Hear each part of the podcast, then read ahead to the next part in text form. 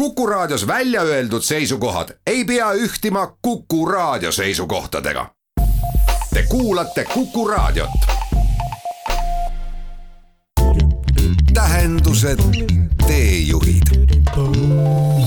tere tulemast taas kõik, kes, kellele meie vestlussaated huvi pakuvad, et oleme nüüd eetris siis juba saja üheteistkümnendat korda. ja, taas siis hea meel nagu ikka, tervitada vähemalt kahte saatekülalist. tere tulemast, Jaan Kivistik, kas on kolmas kord või? vist küll, jah. kellega sa käisid, sa käisid Jaanikaga? Jaanikaga ja Piretiga. just, Jaanikaga oli Aristoteles ja Platon ja, ja Piretiga läksime Berkeley'st, eks. nojah. ja niivõrd-kuivõrd. Jah, ja teadusest üldse. jah, Descartesi nõelaats oli selle teise ja. pealkiri ja mõõduandvad, meie mõõduandvad mõtlejad olid eh, siis selle Platoni ja Aristotelese saate mm. nimi. tere tulemast, Rauno Alliksaar esimest korda. tere olge nii head, öelge enda kohta veel paar sõna, enne kui me alustame, siis ma juhatan teema sisse. mina olen pensionieelikust filosoofiaõpetaja, ei oskagi enamat öelda. Rauno? Ehm, noh, mina olen, tegelikult olen ülikooli ajast Jaani õpilane isegi. ja, see tuli jutuks meil. nii et, aga muidu äh, usuteadlane et äh, mõned, mõned aastad tagasi sattusin sellise noh, portsu otsa, ütleme siis nii, et et äh, tegelen Augustinuse De Doctrina Christianaga, selle tõlkimisega nimelt mm. -hmm. õpetan usuteaduskonnas ladina keelt ja siis äh, kuidagi see Augustinus on nagu loogiline vist. Ma just äh, telefonist üritan äh, ühte tsitaati sisse juhatada, millega alustada, aga ma kardan, et ma ei, see praegu ei õnnestu, et ma oleks pidanud sellele varem, aa ei, õnnestub siiski.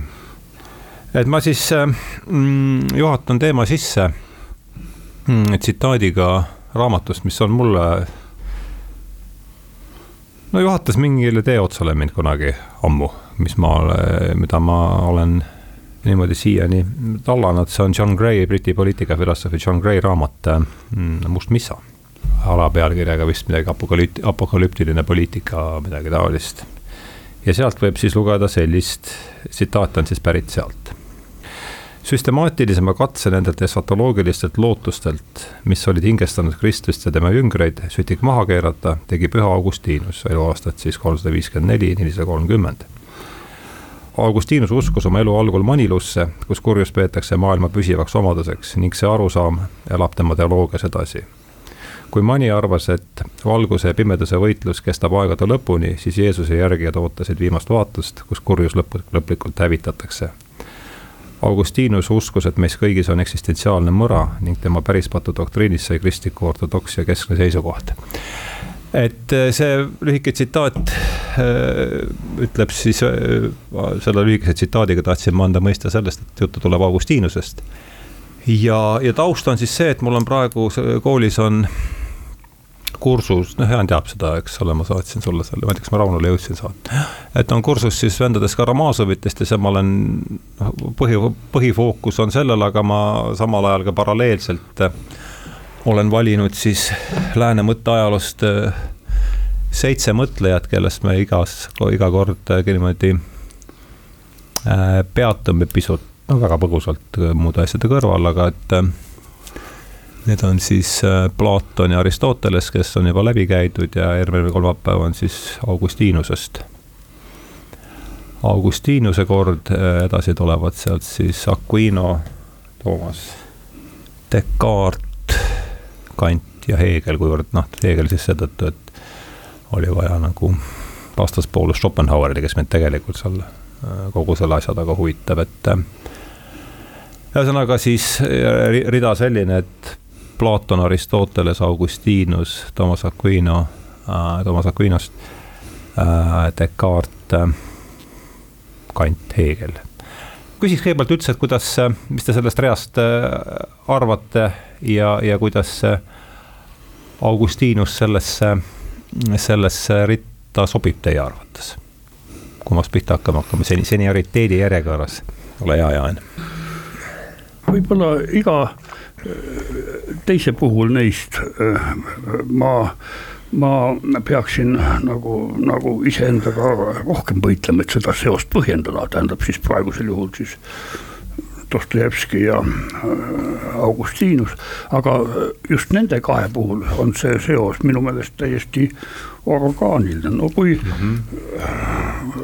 hästi lühidalt kokku võtta ju Dostojevski suuremad romaanid, neli tükki, võib need lühidalt ja kokkuvõttes kõik nad on ühed tapmise, tapmise või kohtulood või laiendatud selline või no isegi võib öelda kriminaalromaanid ja mm. ongi kõik, mida üks kriminaalromaan tähendab, selge. aga kui sisuliselt püüda nüüd kokku võtta, siis kõigis neis neljas, võib-olla idioot eh, on natukene erandlikum, on teemaks eh, tahtevabaduse ühelt poolt ja teiselt poolt siis sellise analüütilise mõtlemise vahekord. Ja ta peaaegu alati näitab, et, et mõist-, mõttus või analüütiline mõtlemine on kuidagi küündimatu, mingisuguse ummikuni paratamatult jõuda, aga teiselt poolt jälle puhas tahtevabadus või vaba tahe ka ei mahu kuidagi sujuvalt siia maailma. Tahtevabaduse ja mõistuse või mõtlemise ja teiselt poolt ka tahtevabaduse ja maailma säätuse vahekorrad näevad olevat igal juhul problemaatilised ja kes veel oleks selle teema sissejuhatuseks parem, kui võiks isegi öelda, et Augustinus on selle probleemi leiutaja noh, mingis mõttes ju ka. tahte siis tahtevabaduse tahte ja analüütilise mõtlemise. sihukese noh pro, probleemsuse, selle mm -hmm. nende vahekorra probleemsuse mm. -hmm. või isegi võib-olla üldse ta tõstab tahtevabaduse selliseks noh, muidugi tänu kristlusele saab tahtevabadus just Augustinuse interpretatsioonis selliseks keskseks teemaks. vanade äh, klassikaliste kreeklaste jaoks ei ole see, ei ole see tühjagi probleem. vabadus on lihtsalt rumaluse teine nimi ja vabadus tekitab probleemi sellepärast, et inimesed ei jaga, ei taipa, kuidas asjad tegelikult käivad. Ei näe läbi maailma paratamatusi. nii et, et selles mõttes nagu võiks öelda, kaks klassikut said kokku, hiline klassik ja siis selle teemade ringi algataja, nii et mul on hea meel kerge südamega seda sidet kinnitada nii, ole hea, Rauno, lisa sinna midagi. jaa, selles mõttes ma olen Jaaniga täiesti nõus, et loomulikult see tõesti see teemade ringi poolest juba Augustinus ja Dostojevski haakuvad kenasti, et. et ma noh, lisaksin võib-olla selle ette loetud rea kohta, et, et ka selles on Augustinus loomulikult äärmiselt, äärmiselt loogiline samm, et, et kui, kui noh, eelnev oli, oli just Platon, siis. Aristoteles mõlemad.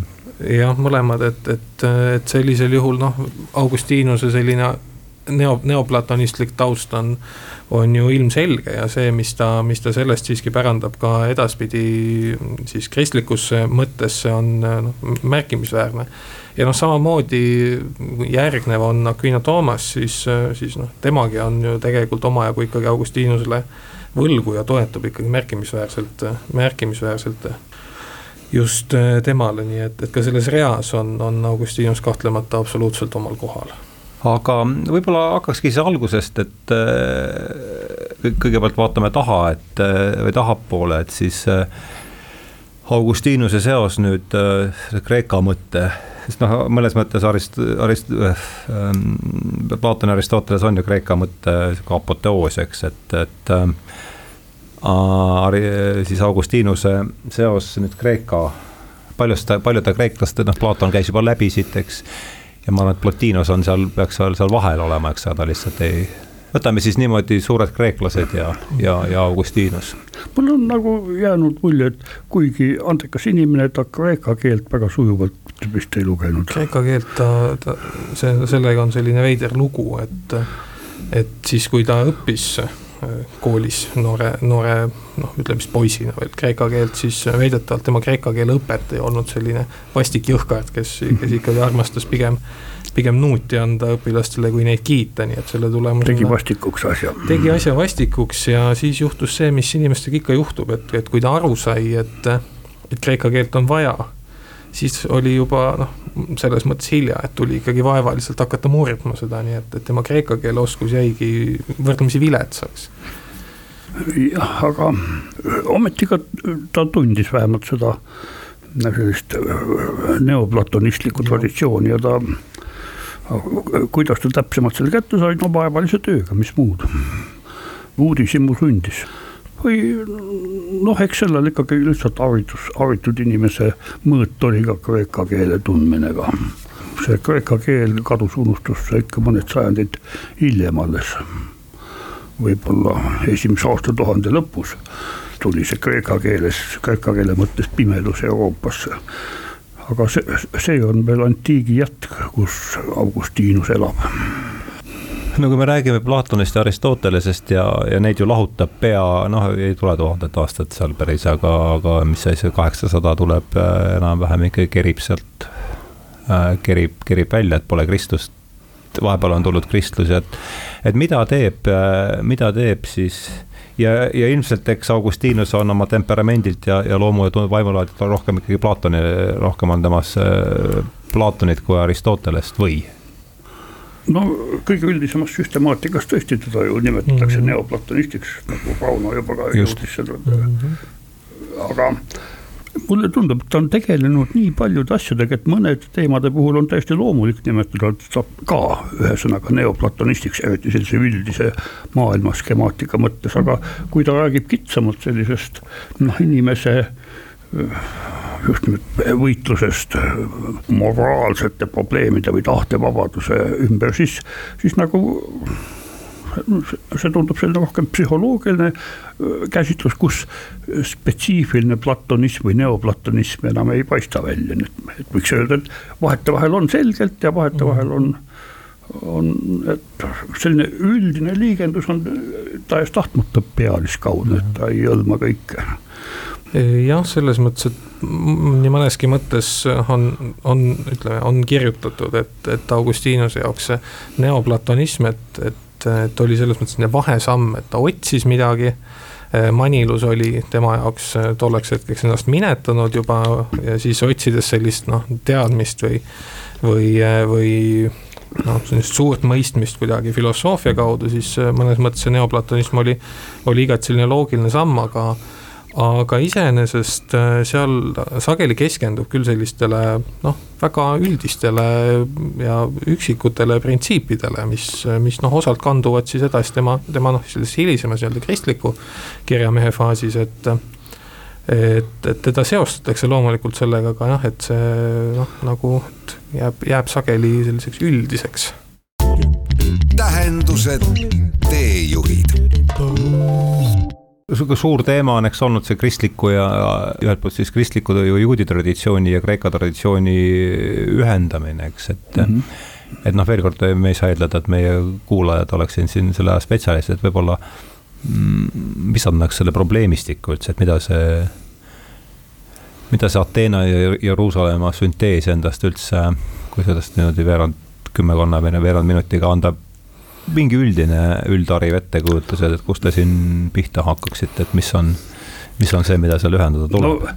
selline aforistlik sõnastus sellele on, et, et see on usu ja mõistuse noh, võistlus või, või mhm. dilemma, valik nende vahel, nende vahel, aga see on ka selline metafoor, võib-olla. kõnekas metafoor. jah, aga, aga selle kindlasti ei ole usk ja mõistus mingid kaks, kaks sõjameest või poksjat, kes annavad teise, teineteisele hoope, vaid, vaid nad on abstraktsed objektid, mis vaevalt et teineteisele ise liiga teevad, aga, aga võib-olla on pigem ikkagi konkurents vastavate maailma käsitluste vahel, kus see klassikaline Kreeka filosoofia, Platoni oma pakub sellist läbinisti mõistuslikku ja paratamatu maailma korra kirjeldust.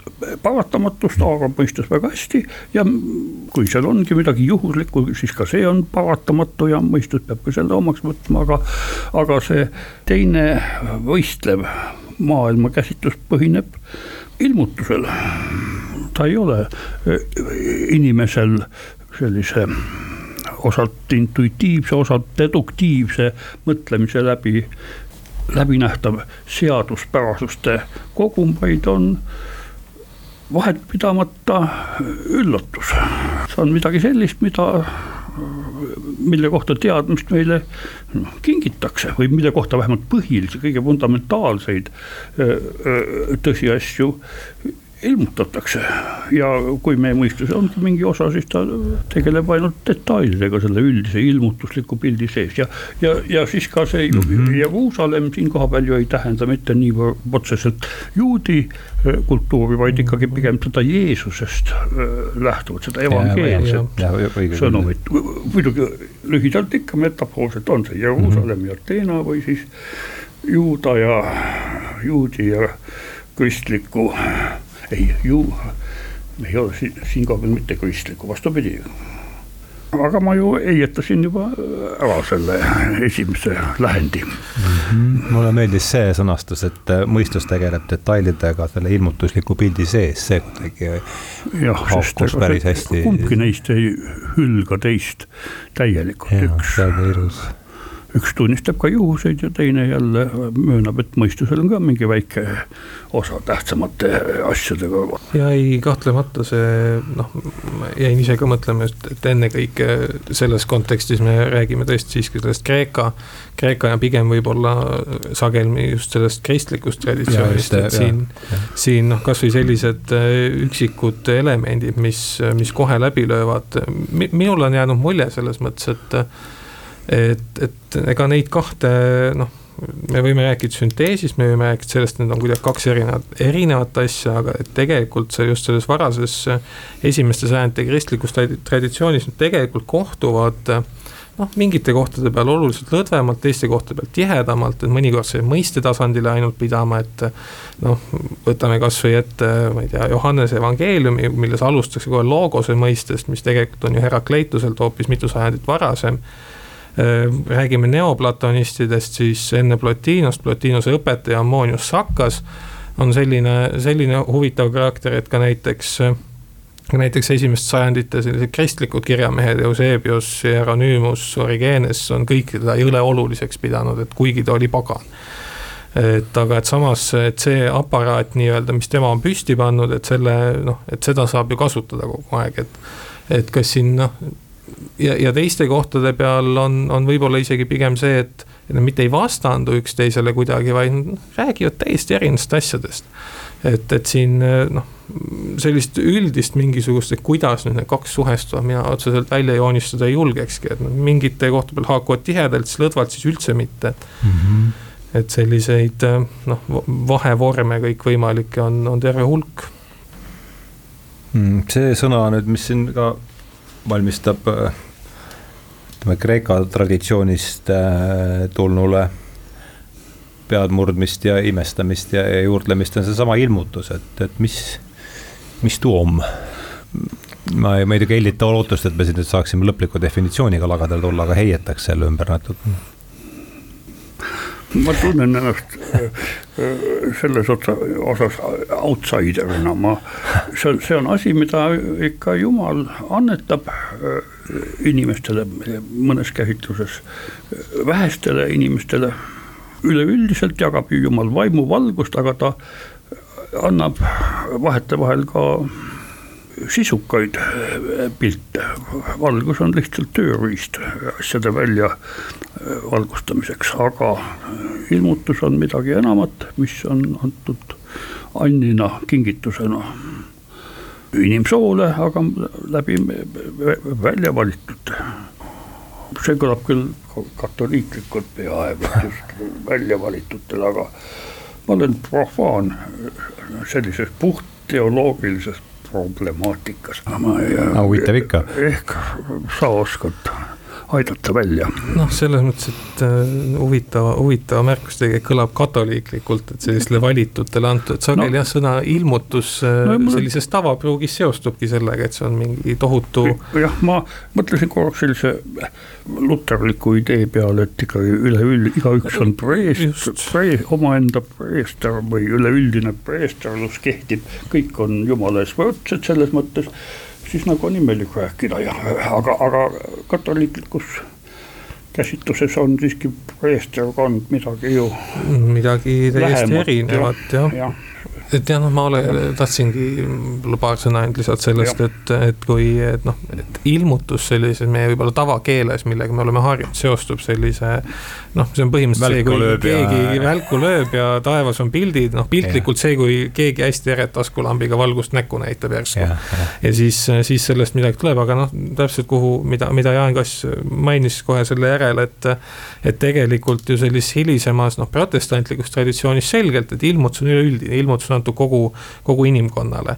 ja tegelikult sellist suhtumist, kui me konkreetselt võtame aga Augustinuse ette, tal on üks huvitav selline, selline tekst, mille pealkiri on Contra Academicos.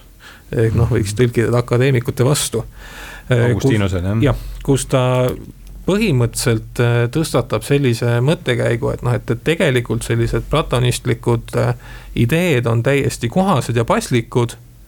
kuni need ei ole piibelliku ilmutusega vastuolus et, et seni võib neid tööriistu ja kõike kasutada kuni nad ei ole piibelliku ilmutusega vastuolus ja noh, Augustinuse jaoks ilmutus äh, ei seostugi noh, kuidagi sellise aktiivse mingisuguse ägeda tegevusega, vaid tema jaoks on, on antud äh, antud siis piibli kaudu, et see, mis on, noh, et Kristus on tulnud, on ju tegema seda, mida tema tegema peab. see on tema jaoks piibli kaudu selline antus selle, selle, sellel ajal, kui ta juba jõuab oma sellisesse kristlikku faasi ja. ja noh, see on äh, ilmselt äh, noh, see ja noh, paljud teised ideed loomulikult, et küllap neist tuleb ka juttu, on näiteks see põhjus, miks reformatsiooni ajal nii Luter kui Calvin hirmsasti armastavad Augustinust, et temalt leiab terve hulga selliseid noh, seal loomulikult on ka tema ettemääratused ja vaba tahte küsimused aga ka see, et noh, et, et meil on, on, on piibel, mis sisaldab seda ilmutust, mis inimkonnale on antud. et noh, see loomulikult toetab sellist protestantlikku noh, sola scriptura, mis ainult äh, pühakirjal toetumise ideed. et aga Augustinusel on see noh olemas, et, et see on üle kõige, kõik, kõigi muude asjadega sa mängid seal, kuni see ei lähe vastuollu ei, ma usun, et me tuleme selle juurde veel kuidagi tagasi, sest see, kui Augustinus skeptikute vastu ju argumenteerib, siis ta jõuab ühe üllatavalt lähedale sellele, millest Descartes hiljem, tuhat aastat hiljem rääkis, see, see cogito ergo sum on ligikaudu samas tähenduses leitav just neist töödest, kus Augustinus võitleb sellise mm -hmm. skepsise vastu. ei ole võimalik isegi ju kahelda, kui ise ei olda samal ajal äh, olemas või ei ole võimalik kahelda selles, et sa kahtled. see annab veel ühe, ühe liini nagu, kuidas Augustinus on ise sellise uusaegse mm. subjektivismi eh, noh, nagu teehoiaja. ta ise toob välja subjektivismist selle osa, mis just nagu lubaks tõsikindlat teadmist, kõigutamatut teadmist. see on täiendav argument tõese usu, õige usu kaitseks skeptikute vastu mm. -hmm. ja tegelikult Descartesil funktsioneerib see küll samuti, kuigi esimesed laused selle argumendi juures on, et mitte midagi ei usu ja no nii vähe, kui mina sellest aru saan, on see on ju ka Platoni põhiprobleem skeptikute vastu ja et see, see tema kahekorruseline epistemoloogia ongi minu arvates jällegi nii vähe, kui mina sellest aru saan, ju üks võimalus skepsisest välja tulla, et meil on nojah, Platon just nagu peab iseendaga võitlema, sest ühe käega ta nagu kinnitab, et maailmas on selline mõistuspärane tuum, ideede maailm ja te, teisalt ta siis seletab, et see meie silmnähtav maailm on üldse üks kahtlane asi, mille kohta midagi kindlat ei ole võimalik teada. Aga skeptikuste vaid aitab see, et on olemas need ideed, mida me saame mõistusega tõsikindlalt äh, teada, eks. aga ühed tema nooremad järeltulijad võtavad just selle poolt, näe, Platon seletab, et, et maailma, see, mida me näeme, on, on kõik kahtlane, ainult. Me võime lihtsalt arvata, aga mitte midagi kindlat teada selle kohta. Ja need, keda Augustinus nüüd ju kritiseerib mm., on just needsamad mm. akadeemikud, kes võtavad Platonist selle empiirilise maailma kahtluspärasuse idee või mm, -hmm. et Platonis on kõik olemas, nagu ikka, Platon kõige algus, seal on kõik olemas ja seal on olemas nii see kindlad teadmised ideede maailma kohta kui ka kahtlemine või kahtlus selle meelelise maailma kohta. ja need hilised akadeemikud, keda Augustinus ümber, ümber lükkab, on just need, kes võtavad Platonilt selle kahtleva poole. kusjuures Platon ise jätabki saladuseks, mis on tema päris plaan. jah, tema kirjutas näidendeid nagu sa hästi, selle ma olen, andis dialoogidele, ma ei olnud seda varem kuulnudki, et niimoodi seda väljendada, et dialoogid kui näidendid, et see. mõnikord mulle tundub, et see väljend on natuke liiga kergemeelne, nii et ma pean selle häbi enda peale võtma. aga mulle see kumatina, mulle vist meeldivad, olen kergemeelsuse poole kaldu. tähendused, teejuhid nii, aga nüüd on küll niimoodi, et meil on uskumatu, et on jäänud kusagil veerand tundi selleks, et nüüd ma saan aru, et äh, üheksakümmend viis sai tast piiskop ja siis ta muudkui kirjutab äh, kuni sureb no,, kuni pastakas kirjut, kukub. kirjutab ja teeb piiskopi tööd ja., jah. nii et siin noh, me peame need kolmkümmend aastat nüüd kuidagi viieteist minutiga kokku võtma ja üks võimalus seda teha on see, mis mul jäi meelde Esa Saarineni sellest filosoofia õpikust, ta ütleb, et minu arust üsna seal alguses, Augustinusest äh, kõneleva peatüki alguses, tõenäoliselt pole ükski teine raamat peale Mark, Karl Marxi Kapitali avald-, no ma tsiteerin Saarineni. et peale äh, Karl Marxi Kapitali pole avaldanud, äh, ma ei tea, tõenäoliselt ikkagi lääne mõtlemisele nii suurt mõju kui Augustinuse jumalariigist, et arutleks selle, ega me Saarise pähe ja me ei pruugi temaga ka nõustuda, aga ja Saarise pähe me ka ei pääse, aga üritaks vähemasti, mida ta võis selle all mõelda, kes tahab no, siit alustada see on nii paks raamat, et ta jah, ta tõesti mõjub oma kaaluga, ta on, see on, see on ilmselge, aga samas.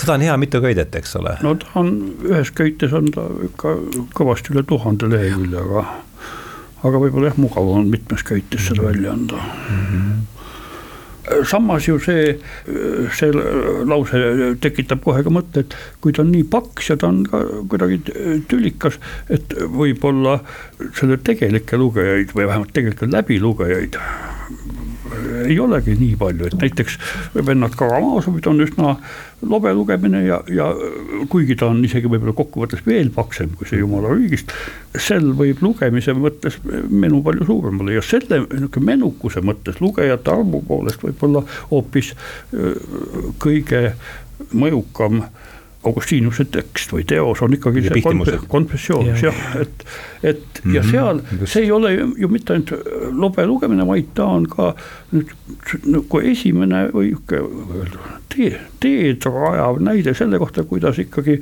inimese enesest, eh, selle sisemisest perspektiivist on võimalik noh, huvitavalt või oluliselt kõnelda ja võib-olla isegi see on jällegi üks mõõde, milles Augustinus on erakordselt sarnane Dostojevskile, sest kuigi noh, Dostojevski kõik romaanid, mõned on, aga mitte kõik ei ole just sellised esimesest vaatepunktist, isiku, esimese isiku vaatepunktist sellised isiklikud vihtimused, aga aga sügavamas mõttes on nad ikkagi tema isiklikud mõttekäigud või tema enda äh, probleemid.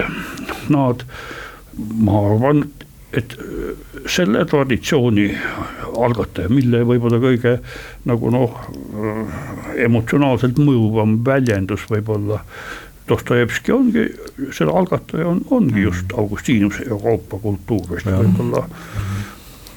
aga, aga see jumala kõigist see on ikkagi selle Dostojevskiga paralleele otsides just, just see vastandlik selline üle, üle maailma või isegi üle uni-, universumi vaade, vaade asjadele ja, ja see on see, mis ma juba olen korra öelnud, kipub Dostojevskil just nagu, tal ei ole selle jaoks mahti, ta tegeleb individuaalse perspektiiviga mm, -hmm. asjade mõistmisega ühe inimese seesmisest perspektiivist, noh nii nagu, nagu tema kaasaegsed Nietzsche või Kierkegaard seal teevad, kuigi ta nendega mis vist tuttav, tuttav ei ole. Ja seda enam on ta originaalne ja mõjukas, et, et nad teevad kõik mida, midagi sarnast, üksteisele sarnast, mis tuleneb sellest, et üldiselt ju see üheksateistkümnes sajand on selline noh, ka ikkagi ratsionalismi ja progressi ja muid raskesti hääldatavaid asju asju nagu noh, üles kiita või populariseerida. Et, et see üheksateistkümnenda sajandi ratsionalism tegelikult on ka oma kõige sügavama juure võib-olla pärinud hoopis Augustinuselt ja eriti sellest konfessioonist, aga konfessioonesist, aga, aga ma pakun küll, et jumala riigist kõneleks esimesena Rauno nii, aga, aga kohe ongi see võimalus oh,. selles mõttes, ega ma arvan, et Jaan tegelikult võttis üsna hästi kokku, et see jumala riigist on, noh, see on, kui ta on ühest köites, siis on ikka paras klots, et. et see on äh, tõenäoliselt äh, jah, üks neid äh, raamatuid ikkagi, mille millel tegelikult nii palju lugejaid ei ole, et, et kui see. ja palju seda kapitaligi läbi loetud? palju tegelikult sedagi on lugenud jah, et noh, neid, neid teoseid on veel, mida mis on tohutult mõjukad ja võib-olla kõik isegi on neist kuulnud või vähemalt mingisuguses valdkonnas kõik on neist kuulnud, aga aga lugenud on tegelikult vähesed, noh, selliseid veel meenutada, siis noh, piibel on üks, mis kohe meenub et äh, aga noh, te tsitaate ei, iseenesest see, ega selles mõttes äh, sellist äh, taevase ja maise linna sellist pilti visandades, ega Augustinus tegelikult käsitleb seal tervet hulka, hulka, hulka teemasid, mis on, on siiani ka aktuaalsed, et ja mille, mille selline püsivus äh, nii kirikuõpetuses kui ka kultuuris laiemalt on olnud päris märkimisväärne, muuhulgas äh, näiteks Augustinus on ju see, kelle, kes kujundab, äh, kujundab tegelikult siis välja selle õiglase sõja kontseptsiooni. see on te, te, te tsivitaate teist või? jah, see, see on noh, tükati see ilmneb erinevates kirjutistes, aga see on, on ka seal juba et ja, ja tema visandab selle noh, sellisel kõige lihtsamal kujul niimoodi, noh, et kristlane tegelikult peaks olema patsifist, sest noh, tema jaoks see määrav on see noh, taevane linn ikkagi, jumallinn, aga olukorras, kus noh, ainus lahendus mingisugusele ebameeldivale olukorrale või noh, on, on vägivald, noh, see on noh, tüüpiline kaitsesõja põhjendus, on ju. et, et, et sellisel juhul tegevusetus tegelikult oleks patt mm. -hmm. sellepärast, et seeläbi noh, saab võib-olla veel rohkem hukka ja võib-olla see kahju on veel suurem. et, et noh, et kõigepealt seda, mis on üleval, aga et seda, mis on nagu siin, noh, ei tohi päris nagu unarusse jätta. et noh, ja selle kirikute nähtamatu ja nähtava kiriku puhul ju samamoodi, et et, et lihtsalt see, et, et lõpuks terad sõkaldest eraldatakse, ei tähenda, et, et siin nagu nähtavas ruumis peab nagu igasugust lollust lubama. et mingisugused piirid peavad siiski olema ka nähtavas kirikus. et ei ole nii, et kõik, kõik teevad seda, mis ise tahavad või usuvad seda, mis ise tahavad, sest noh mitte sellepärast, et see peaks kuidagi keelatud olema, vaid noh, Augustinuse ütleme siis nii, et ta otseselt ise sellest ei kirjuta, et aga noh, ta jätab lahti selle tee väga selgelt ja viitab sellele, et noh, et, et usuline sundus näiteks ei pruugi üldse halb asi olla. sellepärast, et kui me armastame oma ligimest nii nagu iseennast, mis on noh, Kristuse antud käsk siis noh, kui me tahame teisele kõike seda head, mida endale, no siis me peaks ta sinna õigele teele lükkama lihtsalt et noh, kuidas, kuidas piltlikult, et kuidas me siis jätame teise patus püherdama. Et noh, siis tuleb nagu nügida õige koha peale, et noh, see on ja see on see nähtav, on ju, et, et jah, see kõik laheneks nagu omal ajal muidu, et ta ise teab. aga kui me päriselt talle head tahame, siis tuleks see ka siin nähtavas maailmas juba, juba, juba lahendada ära ja, ja selles mõttes noh, see jumala riigist seal tegelikult tohutult palju selliseid kõikvõimalikke ideid, mõnda menetleks hästi lühidalt, teisi jälle pikemalt. Aga noh, selle puhul, kui noh, rääkida, et see on, on mõjukas olnud, siis äh, kahtlemata aga noh, ei, ei tohi unustada ära seda, mis, mis selle kontekst siiski on, et, et äh, olukorras, kus Eh, kus eh, mainelinn on hädaohus mm, -hmm. siis, eh, siis noh, on, on vaja ka seda sõnumit, et, et selle teise linnaga. see mainelinn on siis Rooma, mis on. see mainelinn on jah, Rooma siis selleks hetkeks juba jah. Aga kena, see oli oluline, oluline osundus ja võtaks siis viimase küsimuse, et kuivõrd siin Karamazovitega sai siin alustatud, siis olen siin küsinud mitte kõikides saadetes aga vahel ka meelde tuleb, et see äh, Karamazovite juhtmõte, äh, et see, see nisutera, äh, tähendamissõna nisuterast, et kuidas teie sellest aru saate? No kõigepealt see on ju puhas tõde, et kui, kui nisuiva maha ei pane, ega siis ei tule ju uut nisu.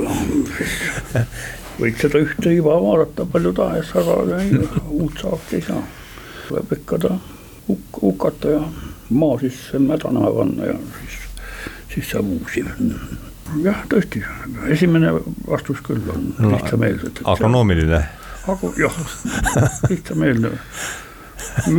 lihtsamees agronoomi, agronoomi mõte. perspektiiv aga kas sa pakud midagi rafineeritamat välja meile siin lõpetuseks? ütleme nii, et äh, kuul-, kuulasin seda möödunud saadet, et seal tuli kahe usuteadlase eksegeesi juba nii palju, et, et see midagi originaalset. aga mis see eelmine saade oli mul? oli Aarne Hiiob ja Taar, Taari Tölp, ta oli terve saade pühendatud äh, nisuterale.